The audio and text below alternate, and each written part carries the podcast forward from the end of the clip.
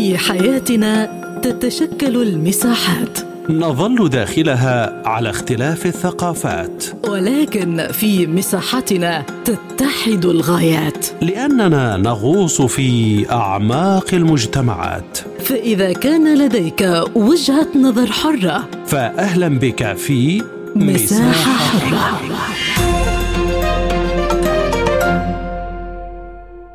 أهلا بكم مستمعينا الكرام في حلقة جديدة من مساحة حرة وهذه جيهان لطفي تحييكم. في مساحتنا اليوم نناقش أسبوع المناخ في الشرق الأوسط وشمال إفريقيا الفرص والتحديات.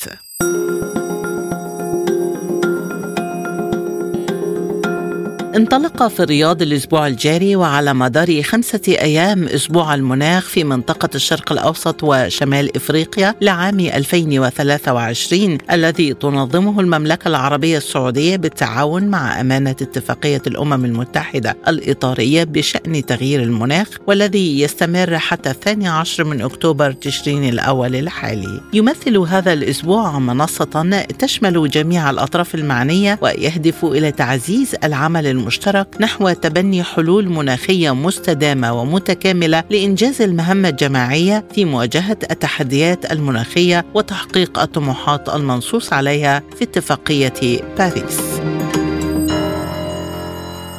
البداية من الرياض ومعنا عبر الهاتف المحلل الاستراتيجي الدكتور فواز كاسب العنزي مرحبا بك معنا دكتور فواز وبداية ما هي أهداف المملكة في استضافة أسبوع المناخ وهل لدى المملكة مقترحات مسبقة للحلول المستدامة التي يركز عليها المؤتمر؟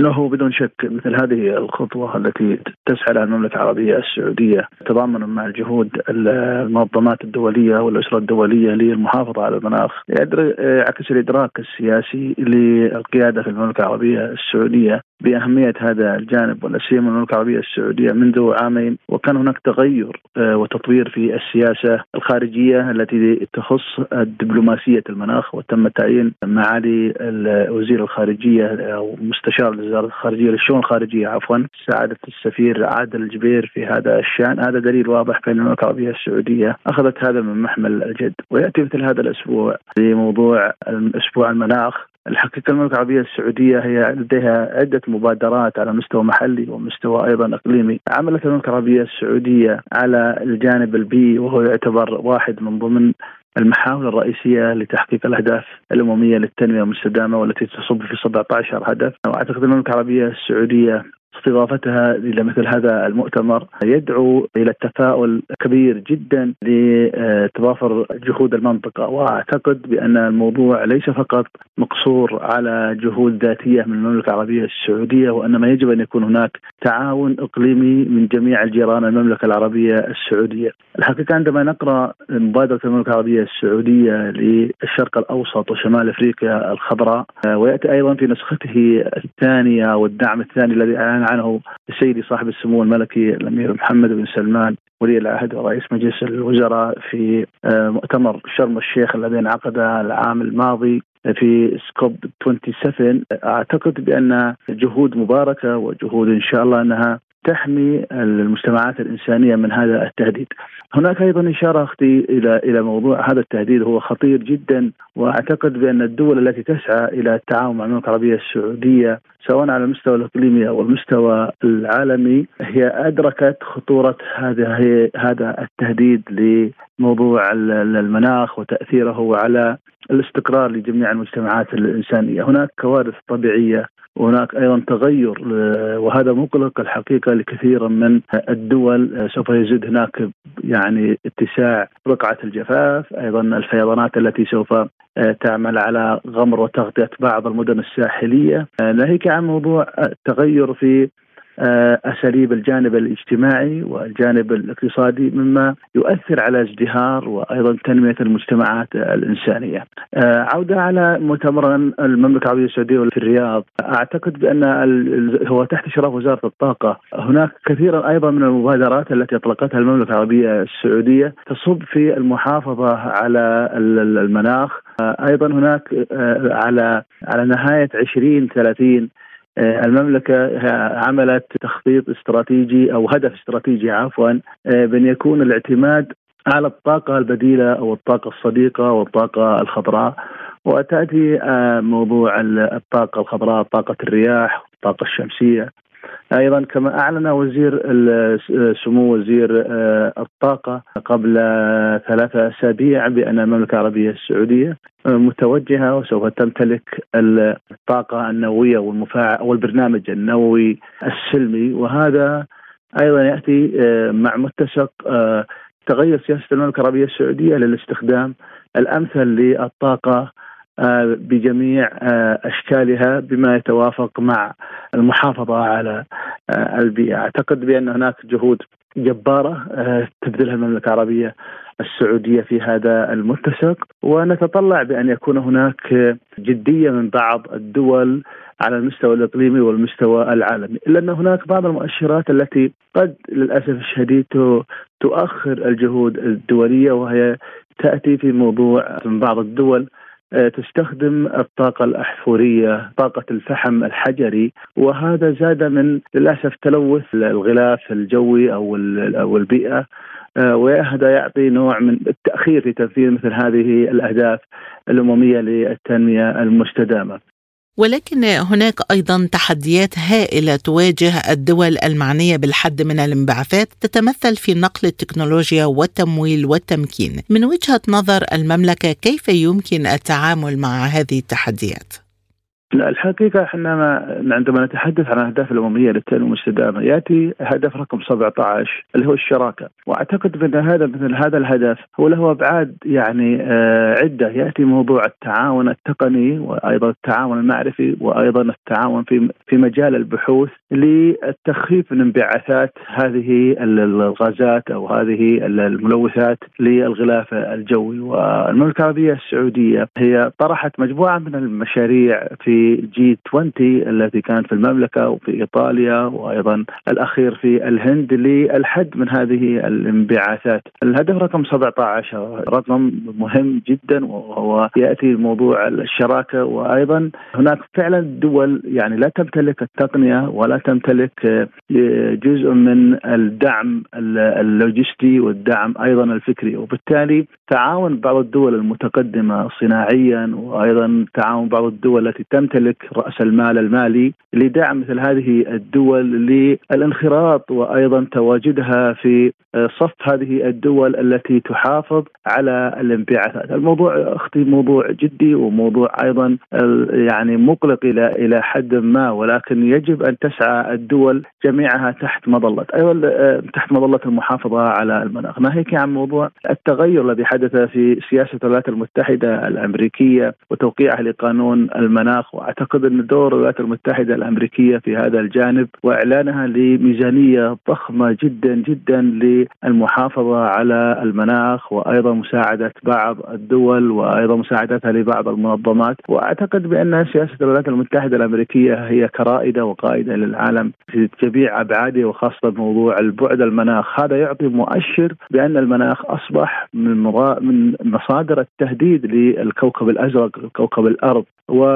والمملكة العربية السعودية الحقيقة هي لا تبخل ولا أيضا آه، تتردد في دعم هذه الدول سواء كانت منظمات تحت مظلة الهيئة الأمم المتحدة أو دول تسعى أيضا أن تكون في هذا الركب للدفع بها للمحافظة ثقافيا وفكريا واجتماعيا ولوجستيا وأيضا ماديا. الموضوع أختي هو موضوع أيضا انعكاساته على ثقافة الشعوب وهذه المجتمعات. أعتقد من إعلان الهيئة الأمم المتحدة من 2015 على الأهداف الأممية للتنمية المستدامة. والآن نحن نعيش في العام التاسع. أعتقد أن هناك دول قطعت شوط كبير جدا في عملية التثقيف على المستوى الأسري والمستوى المؤسسي والمستوى أيضا القطاع الخاص للتضافر والعمل على هذه الجهود. وتأتي هناك مجموعة من الأهداف التي تصب في المحافظة على المناخ كالمحافظة على آه، كهدف مثلا ستة استخدام الطاقة والمحافظة عليها الهدف رقم 11 المحافظة على البيئة والمحافظة على الغطاء النباتي. آه، وهناك أهداف المحافظة على المحيطات من التلوث. هذه يحافظ على نظام النظام الأكيولوجي للبيئة وبالتالي يكون هناك في اعتدال ويكفي. أو يعمل نوع من الحد خاصة من بعض الدول المتقدمة الصناعية للأسف الشديد التي عبثت في البيئة وعبثت في الموارد الطبيعية بدون أي نوع من التخطيط وهذا يأتي أيضا ضريبة من الثورة الصناعية الأولى والثانية والثالثه والرابعة التي خدمت المجتمعات الإنسانية بتوفير الرفاهية ولكن كانت على حساب البيئة والموارد الطبيعية المحدودة والغير المحدودة. عودة على موضوع سؤالك آه، آه، موضوع الشراكة وموضوع تقديم هذه الدول هو بدون شك هناك دول تعتبر أحادية ما يطلق عليها الإيرادات وخاصة في منظمة الأوبك بلس. هي لديها مصدر فقط من البترول ولكن لا تملك بعض الإيرادات الأخرى. والمملكة العربية السعودية هي من ضمن كانت من ضمن هذه الدول ولكن المتابع لميزانية المملكة التي أعلنت عنها في الأخير وأيضا آه، بعض تشجيعها للصناعات الوطنية وأيضا جعل هناك مرتكزات وأيضا مستهدفات في المستقبل في 2030 بأن تكون الصناعة السياحية وأيضا تطوير الصناعه الصناعة في المملكة هي أحد الإيرادات وأيضا اعتمادها على الطاقة البديلة والطاقة الصديقة أو الطاقة الخضراء هذا يعطي بأن المملكة العربية السعودية هي ماضية بجهود آه، جدية سوف تحقق بإذن الله آه، من مثل هذا الاهداف هذا الاجتماع لأسبوع المناخ.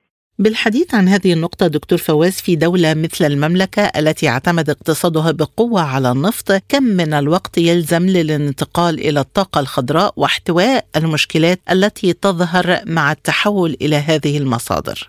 سوف يكون الجواب من خلال رؤية المملكة العربية السعودية 2030 والتي أعلنت عام 2016 عام 2030 حيكون هناك في إيرادات أخرى تعتمد عليها المملكة العربية أو يعتمد عليها اقتصاد المملكة العربية السعودية. كما ذكرنا الصناعة السياحية وأيضا توطين الصناعة بجميع مجالاتها المدنية والعسكرية. وهذا يرفع الاعتماد أو يغير الاعتماد على موضوع الطاقة الأحفورية اللي هو البترول أو السلعة الاستراتيجية للبترول. سوف يكون اعتمادنا على يعني هذين المصدرين اللي ذكرتهم. أعتقد أن هناك أيضا رؤية المملكة العربية السعودية وثقافة الآن المجتمع في المملكة العربية السعودية وصلوا إلى مرحلة من يعني تنفيذ هذه الاستراتيجية على المستوى الشخصي والمستوى الأسري والمستوى المؤسسي والحكومي والمدني. وهذا يعكس ثقافة التخطيط الآن لدى المواطن السعودي والنظر إلى هذه الرؤية آه، لتحقيق المواطنة آه، الحقه للعمل بجميع السلوكيات التي تصب في تحقيق هذه الرؤية التي تبناها آه، مولاي خادم الحرمين الشريفين الملك سلمان.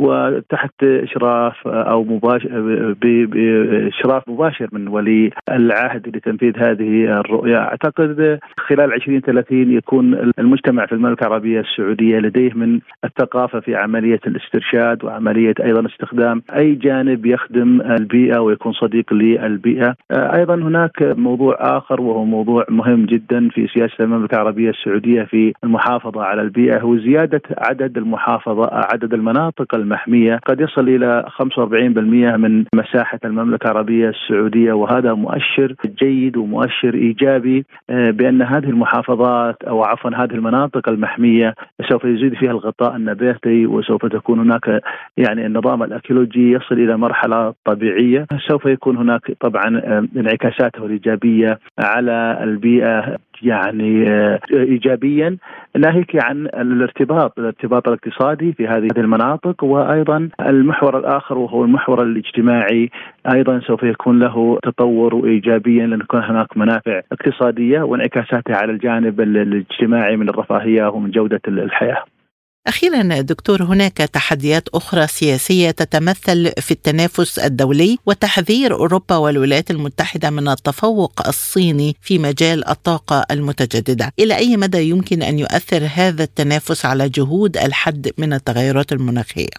أنا أعتقد من منظوري البسيط بأن آه، الأهداف العمومية للتنمية المستدامة 17 هدف هي ألزمت جميع الدول آه، ليس إلزاما قانونيا ولكن إلزاما حضوريا آه، كدول تحت مظلة هيئة الأمم المتحدة. شيء إيجابي انه يكون هناك في تنافس في هذا الجانب. أعتقد بأن جميع الدول الصناعية هي ملزمة بتحقيق هذه الأهداف ويأتي موضوع الحراك الصيني الصناعي الذي يصب في موضوع استخدام الطاقة آه، البديلة لمصلحة المجتمعات الإنسانية. أنا أعتقد بأن هذا التحدي يدفع بجميع الدول بأن يكون التنافس شريف في هذا الجانب. قد يكون هناك طبعا آه، إيرادات آه، خاصة في عملية بيع مثل هذه المعدات والآليات والتجهيزات وأيضا الطرق الجديدة لاستخدام الطاقة الشمسية وطاقه الرياح من المصانع الصينية وهذا شيء إيجابي يجعل هناك بعض الدول أيضا تسعى إلى هذا الجانب، ناهيك عن موضوع المملكة العربية السعودية هي تم ذلك الآن ولا الحمد 90% من آه، احدى آه، شركات طبعا آه، يمتلك الصندوق الاستثمارات العامة في المملكة إحدى أكبر مصانع السيارات على مستوى العالم الكهربائية. وهذا مؤشر أيضا أن هناك في منافسة في هذا الجانب بما يصب في موضوع تحقيق ال الاستخدام السلمي أو استخدام الطاقة الكهربائية، التنافس هنا سوف يصب في المصلحة جميع المجتمعات الإنسانية في تحقيق بعض المعدات والآليات والتجهيزات التي سوف يكون آه، استخدام الطاقة البديلة، وأعتقد بأن الدول الصناعية هي الملزمه في تحقيق الأهداف التنمية المستدامة، ليست كما كانت الأهداف الألفية فقط على الدول النامية وإنما أيضا حتى الدول المتقدمة الصناعية. كان كان لها للاثر الأثر السيء للأسف الشديد على البيئة وتأتي الولايات المتحدة وأيضا السوق الأوروبية والصين لها الأثر السلبي على المناخ وتغير المناخ وأعتقد بأن هذا يأتي تحت يندرج تحت ما يطلق عليها المسؤولية الدولية. أصبحوا متسببين في هذا التغير. وبالتالي يجب أن يكون هناك نوع من المساهمة. أعتقد بأن السوق العالمية في المستقبل حتكون هناك طبعا منافسة شرسة في آه، إنتاج مثل هذه المعدات وهذه الآليات وهذه التجهيزات التي توفر آه، الطاقة الخضراء أو الطاقة البديلة وهذا سوق سوف يكون أيضا كما ذكرت في آه، سؤال مؤثر جدا للتنافس بين الولايات المتحدة وحلفائها وأيضا الصين وحلفائها. من الرياض الدكتور فواز كاسب العنزي المحلل الاستراتيجي كنت معنا شكرا جزيلا لك. وحول الجانب الاقتصادي والتحديات والفرص المتوفرة للاقتصاد الأخضر معنا من الرياض الكاتب الاقتصادي والمحلل السياسي الأستاذ أحمد السالم. أهلا بك معنا ضيفا عزيزا أستاذ أحمد. وبداية الشرق الأوسط وأفريقيا من أكثر المناطق تضررا من التغيرات المناخية. ما هي الحلول التي تقترحها المملكة للحد من هذه الأضرار من خلال أسبوع المناخ؟ بسم الله الرحمن الرحيم. بالنسبة للشرق الأوسط آه، وأفريقيا والتغير المناخي. كان للسعودية مبادرات كبيرة في هذا المجال وأهمها مبادرة الشرق الأوسط وأفريقيا الخضراء. بحيث أنه الشرق الأوسط وأفريقيا تعرض السنوات الماضية إلى كثير من آه، الهدر في البيئة الخضراء وإهمالها. وناتج هذا الأمر من شح الموارد المائية. ولكن السعودية بادرت بهذا المجال ووضعت استراتيجية كبيرة وهي أن يكون الشرق الأوسط وأفريقيا تحت مسمى الأخضر. وهذا يحتاج إلى استثمارات كبيرة وأموال ضخمة تضخ في هذا المجال. ولذلك السعودية بدأت بنفسها اولا من خلال السعودية الخضراء وبدأت أيضا كبدايه بالرياض الخضراء. ولعل من جاء إلى الرياض أو تابع الرياض بين فترتين زمنية مختلفة يلاحظ هذا وبشكل كبير. وهناك عمل جبار آه، وضخم وضخ للأموال من خلال جعل الرياض آه، مدينة خضراء إضافة إلى أنه مبادرات السعودية وهي استمطار سحب والتي نجحت آه، بشكل ملحوظ خلال الفترات الماضية وهذا ما سيسهم بعودة الرقعة الخضراء للشرق الأوسط عامة وأفريقيا، إضافة إلى أمر لم يتطرق له وهو أنه كما يحدث اليوم من تركيا وإيران وحد المياه بالسدود عن نهري دجلة والفرات أدى إلى آه، انهيار آه، الرقعة الخضراء آه، في العراق. كذلك اليوم نعاني من في, في أفريقيا سد النهضة وحد المياه عن نهر النيل وبالتالي تضرر مصر والسودان ولذلك يجب أن يكون لهذا الأمر حلول مهمة تترافق مع المبادرات التي تقوم بها السعودية. آه هذا فيما يخص الشرق الأوسط وأفريقيا والتغير آه المناخي ويجب في نهاية الأمر أن ندرك ونعرف أن التغيرات المناخية سنة كونية حاصلة ولذلك ما علينا سوى أن نقوم بعمل الأسباب لتدارك اخطارها. يدور الحديث الآن عن الاقتصاد الدائري هل لك أن تشرح لمستمعينا معنى هذا المصطلح وكيف يمكن أن ينجح في تحقيق تحولات طاقة عادلة ومنصفة كما تقول المملكة؟ اولا هو ليس الاقتصاد الدائري ليس مصطلح جديد بل هو قديم ولكن الجديد في هذا الأمر أن الاقتصاد الدائري يستخدم اليوم في الدول الأكثر إنتاج والأكثر استخدام من خلال ما تسببه عمليات الإنتاج وعمليات الصناعة أيضا البتروكيماوية من زيادة نسبة التلوث. ولذلك الاقتصاد الكربوني والتي تقترح السعودية وتقوم بمبادرات من اجله في هذا المجال وتضخ استثمارات كبيرة لهذا الأمر. يعتمد على أنه الإنتاج والحرق والاستخدام والحج وبالتالي تقل نسبة التلوث وأيضا يستفاد من ما يتم حجزه في صناعات بتروكيماويه هذا هو الأمر لكن هذا الأمر في هذا المجال تحديدا طبعا يحتاج إلى استثمارات ضخمة بالمليارات وبالتالي السعودية بادرت بهذا الأمر ارضاء لأمر سياسي غربي وهو الضغط على الدول النفطية والجميل في هذا الأمر انه السعودية ومن سيطبق الاقتصاد الدائري في مجال مجالات النفط والغاز أصبح سيستفيد من هذا الأمر اقتصاديا وبشكل كبير. ولذلك السعودية وضعت استراتيجيات في هذا الأمر وبالتالي هي تخوض هذا الغمار هذا السباق في الاقتصاد الدائري من خلال ضخ استثمارات ضخمة وتعظيم الاستفادة من إنتاج النفط والبتروكيماويات من خلال قيمة مضافة ستتحصل عليها في حالة توسعها في الاستخدام أو الاقتصاد الدائري والذي يساعد على إيقاف الهدر وبالتالي إيقاف نسبة التلوث. ولعل بدايات هذا الأمر كانت من نشأة الشركة السعودية للصناعات الاساسيه سابق والتي قامت أساسا على مقترح الاستفادة مما يتم حرقة من إنتاج النفط كان هناك الغاز يحرق مع عمليات إنتاج النفط ويذهب هدر وبالتالي نشأت فكرة إنشاء سابق قبل أربعة عقود لهذا الشيء وأصبحت المنتجات البتروكيماوية التي تنتج من شركة عملاقة كسابق كان يذهب هدر ويذهب تلوث في الفضاء وبالتالي نجحت السابق. اليوم أرامكو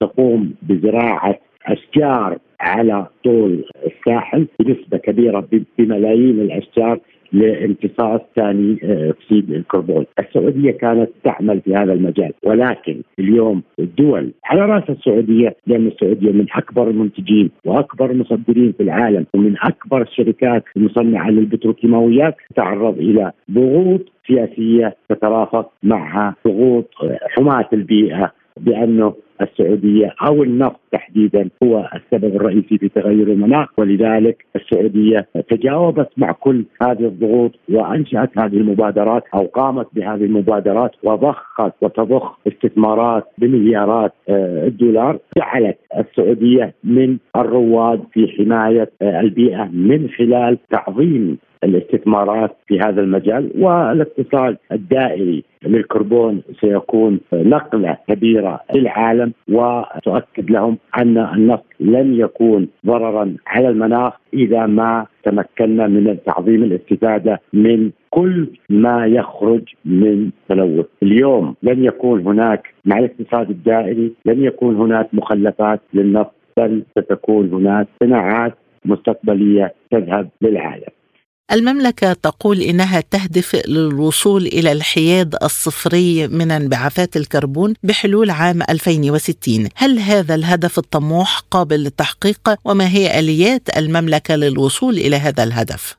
خلينا يعني نرجع للوراء قليلا. السعودية لا تطرح مبادرة أو لا تصرح بتصريح إلا وتنفذه هذا في أمور أخرى، اذا السعودية إذا قالت فهي تدرك ماذا تقول وماذا تفعل وما لديها في المستقبل، وأتوقع أن السعودية ستصل للحياد الصفري للكربون عن طريق الاقتصاد الدائري وهو أنه لن يكون هناك نفايات من إنتاج النفط أو الغاز أو حتى البتروكيماويات. هذا أمر يحتاج حقيقه إلى عمل وجهد كبير توضع له استراتيجيات كبيرة تضخ له أموال بالمليارات ولكن سيعود بالنفع على السعودية اولا وعلى الشرق الأوسط والعالم بشكل كامل.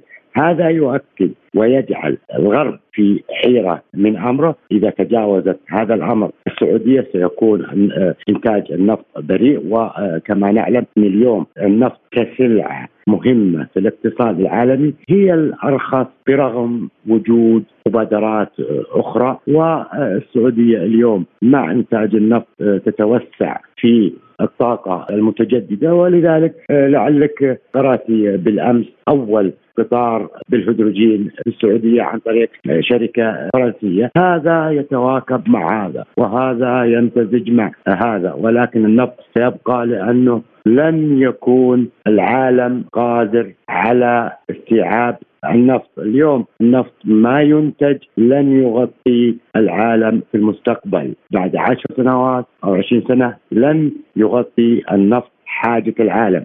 ولذلك يحتاج النفط إلى منتجات أخرى تخفف من على الأقل مستقبلا أسعار النفط ولذلك العالم يتوسع ولكن سيظل النفط موجود مع مبادرات والاستراتيجيات التي تقوم بها السعودية هي تثبت للعالم أن وجود النفط ليس عائق لا للمناخ ولن يكون عائق للاقتصاد وسيبقى من المنافسين في هذا المجال.